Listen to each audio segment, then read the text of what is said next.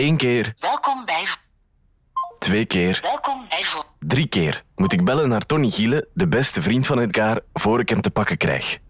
Ik ben een beetje nerveus. Hallo. Eh, dag, Hallo. Hallo, dag meneer Giele. Ehm, mijn naam is Kenneth Bert en ik ben een vriend van Raf Linmans. En eh Alida Nules en Maggie Giele.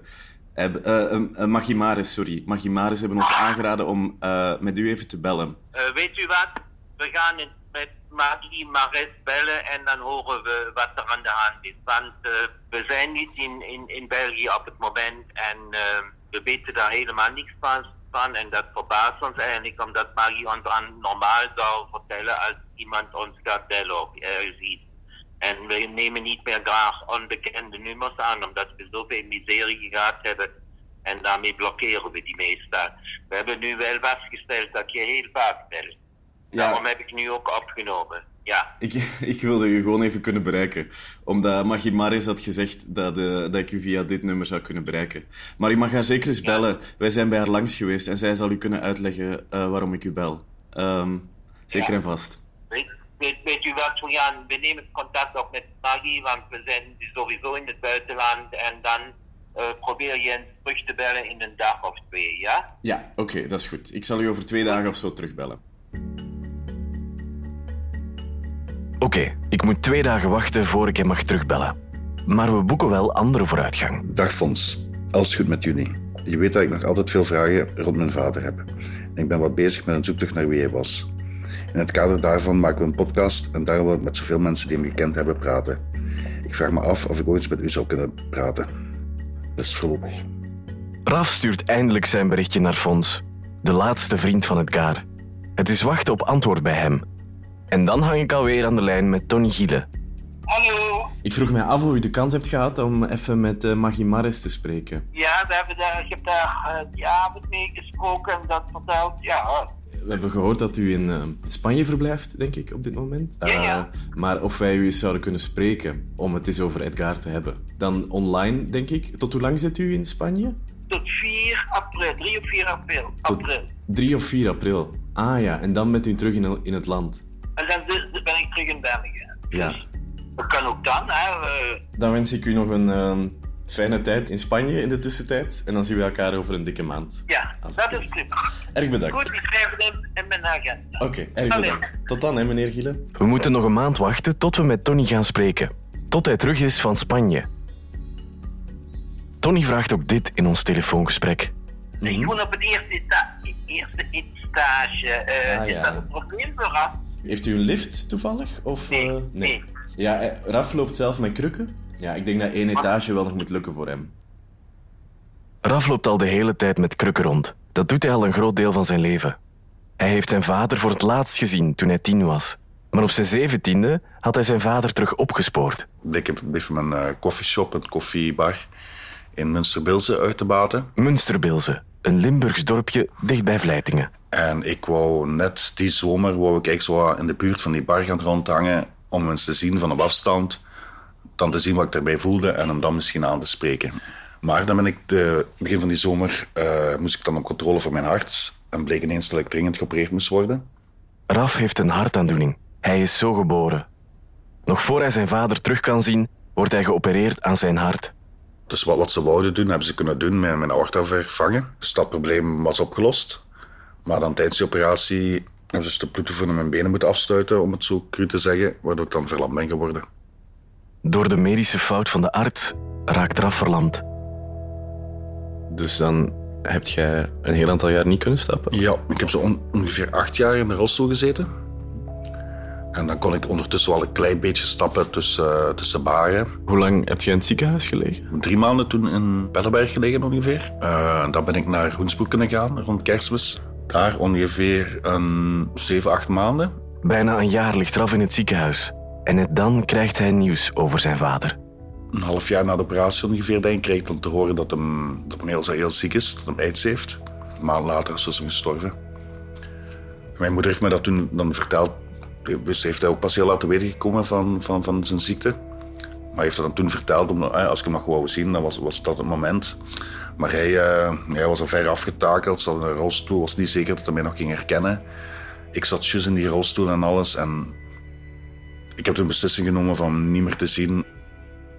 Raf en Edgar zitten allebei in een rolstoel in een ander ziekenhuis. Ze zijn niet mobiel en kunnen elkaar niet meer zien. Nu, nu denk ik van, ik had hem toch moeten zien, omdat ik, omdat, ja, ik wil hem nog eens gezien te hebben en, en, en te dingen. Maar dat is mijn, eh, ook mijn emotionele ingesteldheid van nu. Ik denk dat dat toen ook gewoon te heftig was geweest of zo. Dus emotioneel ben ik, denk ik, dat ik een goede beslissing heb genomen, maar informatief of ik weet niet hoe ik het moet omschrijven, niet of zo. eh. Je dacht misschien als je hem nog eens had kunnen zien, dat er wat dingen duidelijker waren geworden. Ja, van misschien toch, toch iets met hem kunnen babbelen als 17-jarige of zo, weet je. Dat is toch anders dan, dan als je tien bent of zo. eh. Maar ja, dat, dat, dat bleek er dus toch sowieso niet in te zitten, dus ja. Edgar sterft in 1993. Voor Raf hem heeft kunnen spreken. Raf is zijn hele leven blijven revalideren. Ik ben altijd blijven trainen. Nou, niet constant, maar in periodes. Eh 30 jaar bijna constant. Raf loopt nog met krukken rond. Maar hij is nu fysiek helemaal in orde om de oversteek te maken van Antwerpen naar Eupen, Nummer 110, 112. waar Tony Giele woont. Hij is ondertussen terug uit Spanje. Goedemiddag. Zag hem voorbij crossen. Ja. Ik ben Tony. Hallo. Oh, hallo. Voorzichtig, hè? En ik ben af. Ja, ja, ja. Dat dacht wel. Dat Oh, je rijdt wel Stevig? hard, stevig. Maar nee, niet Nee? speciaal. Ik neem een kruk van Raf over Die aan u geven? Ja. met Gijs gaan? Of, Ja, en na wat moeite om de trap op te gaan installeren we ons bij Tony. Hoe hebt u Edgar leren kennen? Dan vraag je me iets. zal, waarschijnlijk zal het Maastricht geweest zijn. Want dat was een homokroeg en dan eh Hoe, hoe oud was u toen? 2, 23, 24. Hij was gescheiden. Ik denk dat jij drie of vier jaar was. Wat heeft hij voor u betekend, Edgar? Die we de wereld leren kennen en, en dan ja, en me op het rechte pad geduwd. Tony was iets jonger dan Edgar. En Edgar was een soort mentor voor hem. Tony kon zich niet voorstellen hoe hij ooit openlijk als homo kon leven. Je bent heel braaf grootgebracht. eh je moet trouwen, je moet kinderen maken, je moet... het klassieke beeld van, van een huisvader, moet ik het zeggen. En ik moest mijn weg vinden. Hè? Dat was mijn probleem. Ik, ik wou dan toch ook een, vriend, een vriendin hebben of zoiets. Je was op zoek naar een vriendin nog eigenlijk? Ik? Ja. Ja, ja. Ik denk ook, je kunt dat mixen. Hè? Gelijk de meeste getrouwde mannen dat doen. Zo, voor mij, hè. Ja. Tony dacht er ook aan om een dubbelleven te beginnen. Trouwen met een vrouw en ondertussen seks hebben met mannen.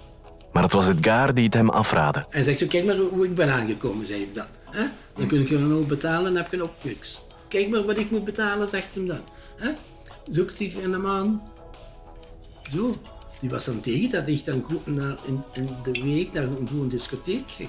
Ga gewoon meteen voor een man, zegt Edgar. En kom er ook vooruit. Zo is het als hier altijd maar rond de pot te draaien. Ja. Dat, dat wou hij niet. En dan- dan zei hij ook tegen mij, je moet gewoon zeggen, ik ben zo. zo. En, en, en dan is de roddel allemaal weg. Valt allemaal weg. Edgar helpt Tony met zijn eigen ervaringen uit het verleden. En dan komt de slagerij van Edgar ter sprake. Edgar had dus schulden. heeft die slagerij verkocht, maar heeft van niks dan heeft alles moeten terug aan de bank geven. En daardoor zou hij er dus mee opgehouden zijn. Tony heeft het allemaal van dichtbij meegemaakt. En vertelt dat het nog wat complexer in elkaar zit. Waarom is hij gestopt met zijn slagerij dan? Dat hij ziek was. Omdat hij ziek was. Ziek en hij wist dat hij dat had. En dan en hij wist, eh, ja, de schoonvader, hè. Hij werd failliet verklaard of iets. De schoonvader moest geld hebben. En hij betaalde de rekeningen niet meer. De grootvader van Raf aan zijn moeders kant had de hele slagerij gerenoveerd. En na de scheiding moest Edgar alle kosten terugbetalen. Maar omdat hij al ziek was, had hij geen zin meer om de facturen nog te betalen. Maar hij was dus al ziek eh, toen hij stopte met de slagerij. Ja, dat was al bezig. Hoe lang is hij dan ziek geweest?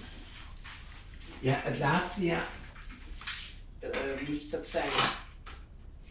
Het is juist het laatste jaar eh, Wat, wat, dat heel, heel kritisch is. dat iedereen het ziet ook. En dat, Ja, ja, eh, ja, ja. ja. Dan word je mager en dan en die ogen die peulen uit, zo zo zo.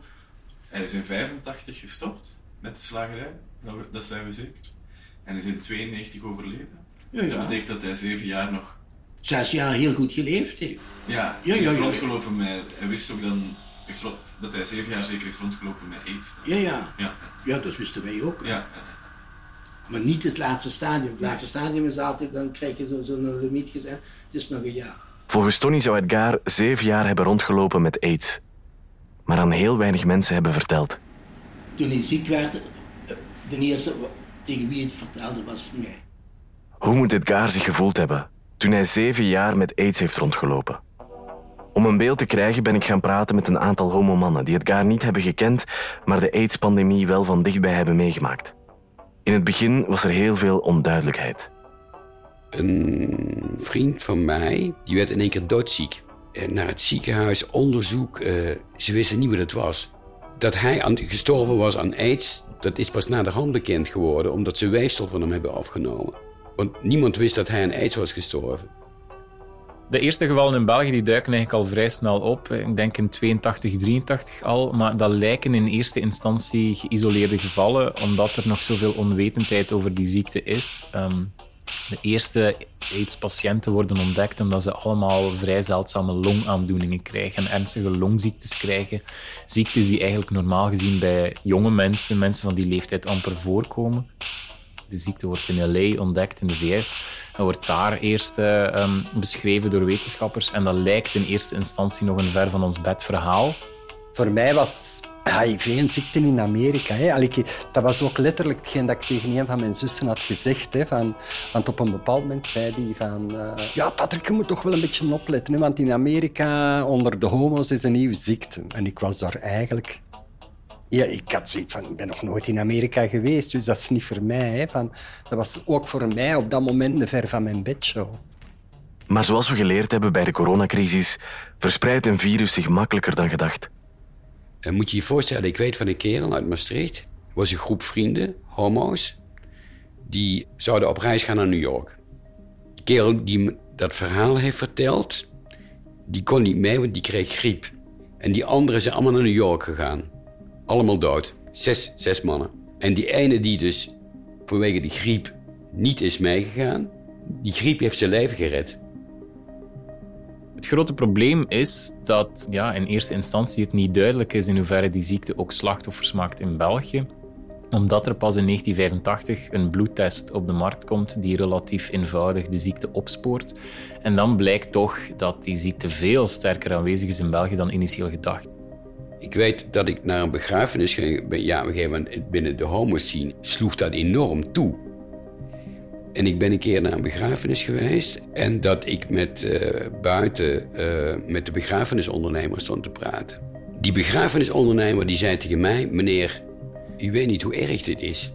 Die had per week een aantal begrafenissen van aidspatiënten, overleden aidspatiënten. Ik dacht, hè? Ik zie ze toch niet allemaal om me heen omvallen? Dan moet je je voorstellen wat er natuurlijk ook gebeurd is... dat mensen die stiekem homo waren waarvan niemand wist dat ze homo waren. Daar hebben natuurlijk ook enorm veel besmettingen plaatsgevonden. Maar die eerste jaren is er heel veel onwetendheid en onduidelijkheid. En je merkt dat ook in de, de Belgische media, dat daar enorm sensationeel over geschreven wordt. Er is gewoon geen kennis over. Men weet ook niet in eerste instantie hoe die ziekte overgedragen wordt. Dus je krijgt echt krantenartikels waarin er in het wilde weg gespeculeerd wordt over ja, kun je, kun je die ziekte krijgen door van een besmet glas te drinken of op een wc-bril te gaan zitten of iemands hand te schudden. Wat geleidelijk aan voor paniek uh, zorgt. Uiteraard binnen die homoseksuele gemeenschap zelf, maar eigenlijk ook in die bredere samenleving. In het begin was het de doodvonnis. Ik heb er verschrikkelijke verhalen over gehoord. Mensen die echt uh, doodziek werden. En niet te genezen. Mensen die in de jaren 80 aids hadden interviewen, dat gaat niet meer. Want die zijn allemaal gestorven, net zoals het Gaar. Maar ik heb wel iemand teruggevonden die toen HIV heeft opgelopen. HIV is het virus dat aids veroorzaakt en langzaam je afweersysteem afbreekt. Patrick Rijntiens. Ik, ik leef al van in 1985 met HIV. Hij heeft in hetzelfde jaar als het Gaar de diagnose gekregen.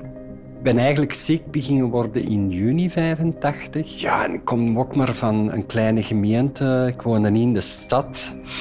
Ja, en dat was zoeken, hè, van wat is hier aan de hand? Ik kreeg allerlei infecties en... Gelukkig had ik wel een huisarts die iets verder keek die dan zijn neus lang was. En die heeft me dan wel doorverwezen naar het Tropisch Instituut in Antwerpen, omdat ze toen daar toch al wel meer onderzoek deden. Maar dat ging allemaal niet zo vlug. Hè. Dat was niet even bloedprikken en na tien dagen weet je het zoals nu. Dus er is een hele tijd overheen gaan in het ziekenhuis, er terug uit, terug in het ziekenhuis. En dan in oktober 85 kreeg ik dan toren op het Instituut van ja, meneer Eintins, u bent een niet volledige AIDS-patiënt. En ik dacht van ja, ik ga dood. Allee, want ik wist niet zoveel. Allee, ik was me wel een beetje gaan informeren hè, van over op dat moment toen ik voelde van... Uh, maar ja, dat was inderdaad een doodsvonnis. En dat kreeg je eigenlijk ook wel zo meegegeven. Hè, van bereid u maar voor. En ik zag dat ook wel gebeuren op het Tropisch Instituut. Waar allemaal mensen heel ziek waren. En blauwe vlekken. En, uh, dat was vergif. Zo zag ik mijn eigen ook wel. Vol met vergif? Vol met vergif. Ik heb eigenlijk, vooral de eerste twee jaar, heel veel gedacht van ik ga dood, ik ga dood, ik ga dood. En ik ging niet dood. En ik dacht, ja, als ik dan toch niet direct dood ga, of ik maak er niet zelf een eind aan, dan moet ik zien dat ik terug ga leven. En in het begin was dat dan, ja, eigenlijk zo wat terug kunnen, dag per dag, week per week. En na een tijdje weer dat terug maand per maand dan zelfs ja, wel wat langer. En ik dacht van, we zullen wel zien als ik dan toch ziek word. Allee, maar ik wil mij niet meer laten verlammen door angst, gelijk die eerste twee jaar. Want dan doe je niks meer. van, uh, en dat is dan iets, ja, dat ik zeg van, dat is ook mede, dat is niet alleen mijn verdiensten, hè. dat is vooral de verdiensten van veel mensen in mijn omgeving ik was versuft van, van, van bepaalde antidepressiva te nemen. Want ja, dat is dan hey, van, bij het minste vlekje dat ik zag, dacht ik van, oh, dat is een huidkanker. Ik moest eens hoesten, dan dacht ik, ah, dat is je PCP. En dan iedere keer in dokter, nee, dat is het niet. Hey, van, maar we zullen nu iets geven voor te kalmeren. Maar door de duur, ja, ga dan hier nog maar kalmeren door het leven. Zo van. Want ik schoot iedere keer natuurlijk in de paniek. Dat Edgar nog heeft genoten van zijn leven na de diagnose, daar kunnen we bijna zeker van zijn. Ook dat hij in het Tropisch Instituut in Antwerpen is geweest. Christine en Maggie, goede vrienden van Edgar. Hij is thuisgekomen en heeft gezegd: Ja, ik heb het, hè? Ja, ik heb eten. Zeg, je zijn een fraaie. Zeg, je komt hier mee eten, je slaapt hier soms. Je zegt mij niks. Ja. En toen moest hij naar uh, Antwerpen, naar uh, Tropisch Instituut. Tropisch Instituut. Daar werd dat behandeld. En toen ben ik, vroeg of ik meeging. Dan heb ik hem gebracht. Dan ben ik meegegaan naar die professor. En die heeft me toen alles uitgelegd. Hoe dat in elkaar zat, wat we moesten doen en wat we niet moesten doen. En we moesten ook foto's van mijn longen laten pakken. Dat meneer niks gezegd had. En uh, dat heb ik dan laten doen. En dan is het toch allemaal zo stilletjes aan. Hè? Ja, maar wij wisten daar ook totaal niks ja, van. Wij wisten daar zeker niks van. Dat was ook heel het begin totdat dat die ziekte uitkwam eigenlijk. Hè? Dat dat meer en meer dat niet, hè? Ja, dat Maar wij kenden dat niet, niet zoveel patiënten toen al, hè? Nee. En de patiënten die er waren Dat stond nog heel in, het begin van zijn schoenen eigenlijk. Hè? Ja. Jullie wisten wel al dat het aids was? Ja, ja. ja. Ja, ja, maar wat het inhield en hoe en wat, En wat moet je doen? dat was En wat moet je heel niet doen? begin. Ja, hoe Dat is een vreemd verhaal hoor. Dan hebben ze me in Antwerpen niet meer kunnen helpen. Enfin, toen hebben ze hem naar Maastricht laten gaan, universiteitskliniek. En toen ging het er al stilaan echt achteruit. Hè. Dan heeft hij nog een paar keer een bloedtransfusie gehad. En elke keer als hij dat kreeg, voelde hij zich veel beter. Want ik weet nog ene keer toen ik hem ging halen, kwam hij mij al tegen, al dansend. En die periodes waren allemaal korter. En dan lange laatst je, krijg je geen bloedtransfusie meer. Hè. Het helpt niet. Hè. Toen werd hem ook heel mager en toen eh, ging het heel snel. En die dokters hadden zich misreken, hè. daar was je nou zo, zo kwaad over. Hè. Die hadden gezegd, binnen het jaar zit je dood. De, de dokter had gezegd dat hij nog een jaar te leven Ja. had, maar hij heeft langer geleefd. Hij heeft langer geleefd. Hoeveel, hoeveel langer heeft hij geleefd? Ja, anderhalve maand, zowat. Anderhalve maand, ja. Maar het laatste jaar, dat- was voor hem ook een hel, hè. ja. Hij telde de dagen af, hè. Nog zoveel dagen heb ik te leven. Wat zorgt er nu voor dat je sterft aan aids? Patrick Rijntien legt uit waarom hij het overleefd heeft. Als je natuurlijk door de jaren heen gaat kijken naar mijn cv van alle infecties die ik heb gehad. Ik heb er heel veel gehad, hè, van, maar nooit, en dat is misschien ook mijn chance geweest, nooit allemaal tegelijkertijd. Dus, uh, want als je iemand zag sterven gewoonlijk aan, aan AIDS, hè, die een full-blown AIDS had, die persoon, die man of die vrouw, had gewoonlijk maar toch wel meerdere infecties tegelijkertijd. Dus men wou proberen bijvoorbeeld die longontsteking te behandelen. Men was er nog niet goed en wel aan bezig en er kwam al iets anders bij. En bij mij is dat, ik heb die longontsteking gehad, maar behandeld geweest. Dan kon ik weer terug wat tijd recupereren. Kreeg ik weer een andere infectie, werd ik daar weer voor behandeld. Allee. En zo heb ik dat kunnen uitzingen. Edgar moet dus verschillende infecties tegelijkertijd hebben gehad. Want dat was zo'n forse mensen. Je weet niet waar dat naartoe gaat. Wat zou hij nog gewogen hebben? Ja. Ik denk geen 40 kilometer. Nee. Dat was eigenlijk woog hem altijd. En de 80, hè? 90. Rond de 90. Het einde nadert voor Edgar. Tony probeert hem nog op te beuren in het ziekenhuis met zijn lievelingsdrank. En ik een thermos gekocht en dan hij had graag Campari met fruit. Dus ik had die thermos heel koud laten maken met ijsblokjes en dan, dan, dat hij dat zo kon drinken. En Edgar had nog één wens. Alida Nulus, die ook met Edgar naar Ibiza ging. Edgar en Tony, ze zijn wel nog een keer met een tweeën op, naar Ibiza geweest voor afscheid te nemen. Zo. Maar uh, hij heeft niet echt kunnen genieten van zijn vakantie. Dan uh, gaan wij twee naar Ibiza en dan wil ik afscheid nemen. Dat was wel heel, heel, heel zwaar voor mij. En dan, ja, je wist het, hè? En wat trok hem zo fel aan in Ibiza? De vrijheid. Ja, de mensen die het toen hadden, ja, dat was fataal. Ja. In die tijd, hè? Dat was fataal, ja. Dat was ja, een doodstrijd. Heb je en lastig. Lastig. Wij wisten het, hè. Kun je eigenlijk een beetje voorbereiden, hè? Ik weet de laatste avond dat ik daar ben geweest, heb ik nog heel even met hem gebald. En uh, dan zeg ik, ik, zeg, ik zeg, ga nu door. Ja, zijn. Tot nog eens. Dat zei hem nooit. Tot nog eens. En toen wist ik eigenlijk, dat is voor vanavond. Hij wist het, ik wist het ook. En toen ze mij s'nachts belde, ben ik ook niet meer geweest. Ik vond dat ik mijn plicht gedaan had. Moest dat niet meer zijn. Ja. Het was ook niet schoon voor aan te zien, ook niet. Hè. Vond u het erg dat hem zo jong gestorven is? Vond hij het erg dat hem zo jong in het sterven was? dat was een steunpilaar voor mij. Nee, maar hij, hij zelf, even, ja, ja, een beetje chomofootisme van... Jazeker, de onmacht, hè. Ja. Genoten heeft hem voor drie. Voor drie. Dat hebben we altijd gezegd. Die heeft drie levens gehad. Is, is eigenlijk 120 geworden dan? Eigenlijk, Eigenlijk wel, wel, ja. ja. Dat zei je ook al zijn vrienden. Ja. Ja. Hij is 120 geworden. Edgar sterft op 3 januari 1993. Drie jaar voor de eerste doeltreffende aidsremmers te verkrijgen zijn in België. Artsen op dat moment beschrijven dat als ja, we zijn eerder aan, aan stervensbegeleiding aan doen dan echt aan, aan medische oplossingen bieden. Je kunt het lijden wat verzachten, maar je kunt het niet genezen. Er is op dat moment nog geen medicijn. Ja, die ziekte heeft gruwelijke gevolgen in de jaren tachtig, waarbij jonge mensen eh, bijzonder snel sterven en ja, bijzonder eh, gruwelijk aan hun einde komen. Hè. Dat is ongelooflijk traumatiserend geweest voor die gemeenschap. Dat heeft ja, heel veel gevolgen gehad, zowel op, die, op vlak van die emancipatie als die uh, reacties van het brede publiek, als uiteraard binnen die gemeenschap zelf, waar heel veel slachtoffers vallen. Ik werd in mijn leven heel veel geconfronteerd met afscheid nemen. Hè, van, uh... En als ik daarop terugkijk, op die periode, ja, dat is zo precies of je hebt in een of andere grote natuurramp gezeten, hè, waar dat je met een paar overlevenden uitkomt. Hè, van, uh, gelukkig ook nu weer is dat een heel ander verhaal. Maar ja, je kunt dat nog moeilijk delen met de, allee, omdat de meesten er niet meer zijn.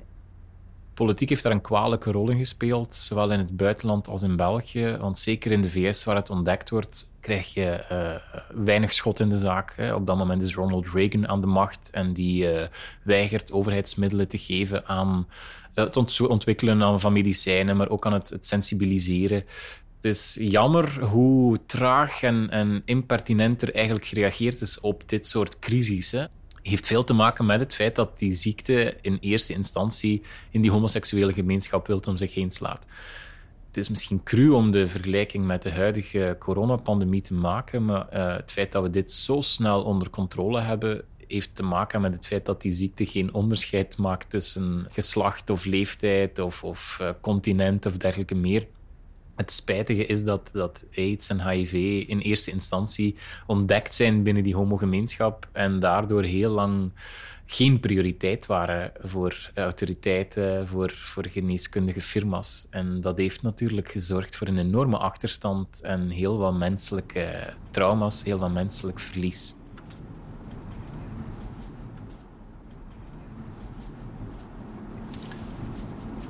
Ik vind ook wel een beetje schrikbarend die uh, overeenkomsten die naar boven komen. Die overeenkomsten? Met papa. Hoe bedoel je? Ja, ik begin er zo meer, meer op te trekken dan ik ooit gedacht had of zo. Ah ja. Omdat je ook niet wilt op je vader trekken? Of uh... Van mezelf maakt het eigenlijk niet zoveel ja. uit, maar ik, ik, ik, wil het niet voor mama of zo. Ja. Begrijp je wat, wat ik misschien ook wil zeggen?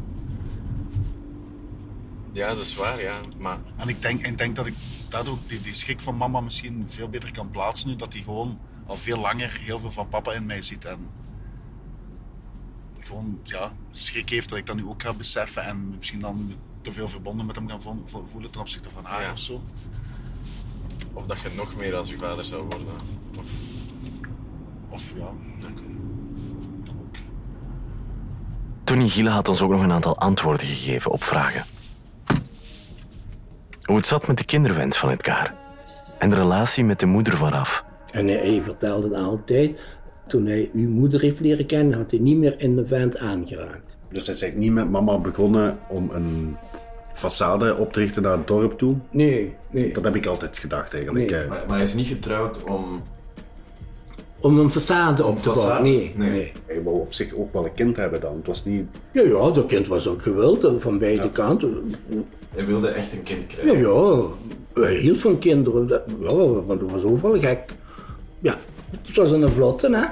Ja. Allee. Tony vertelt ook waarom Edgar Raf niet meer heeft opgezocht.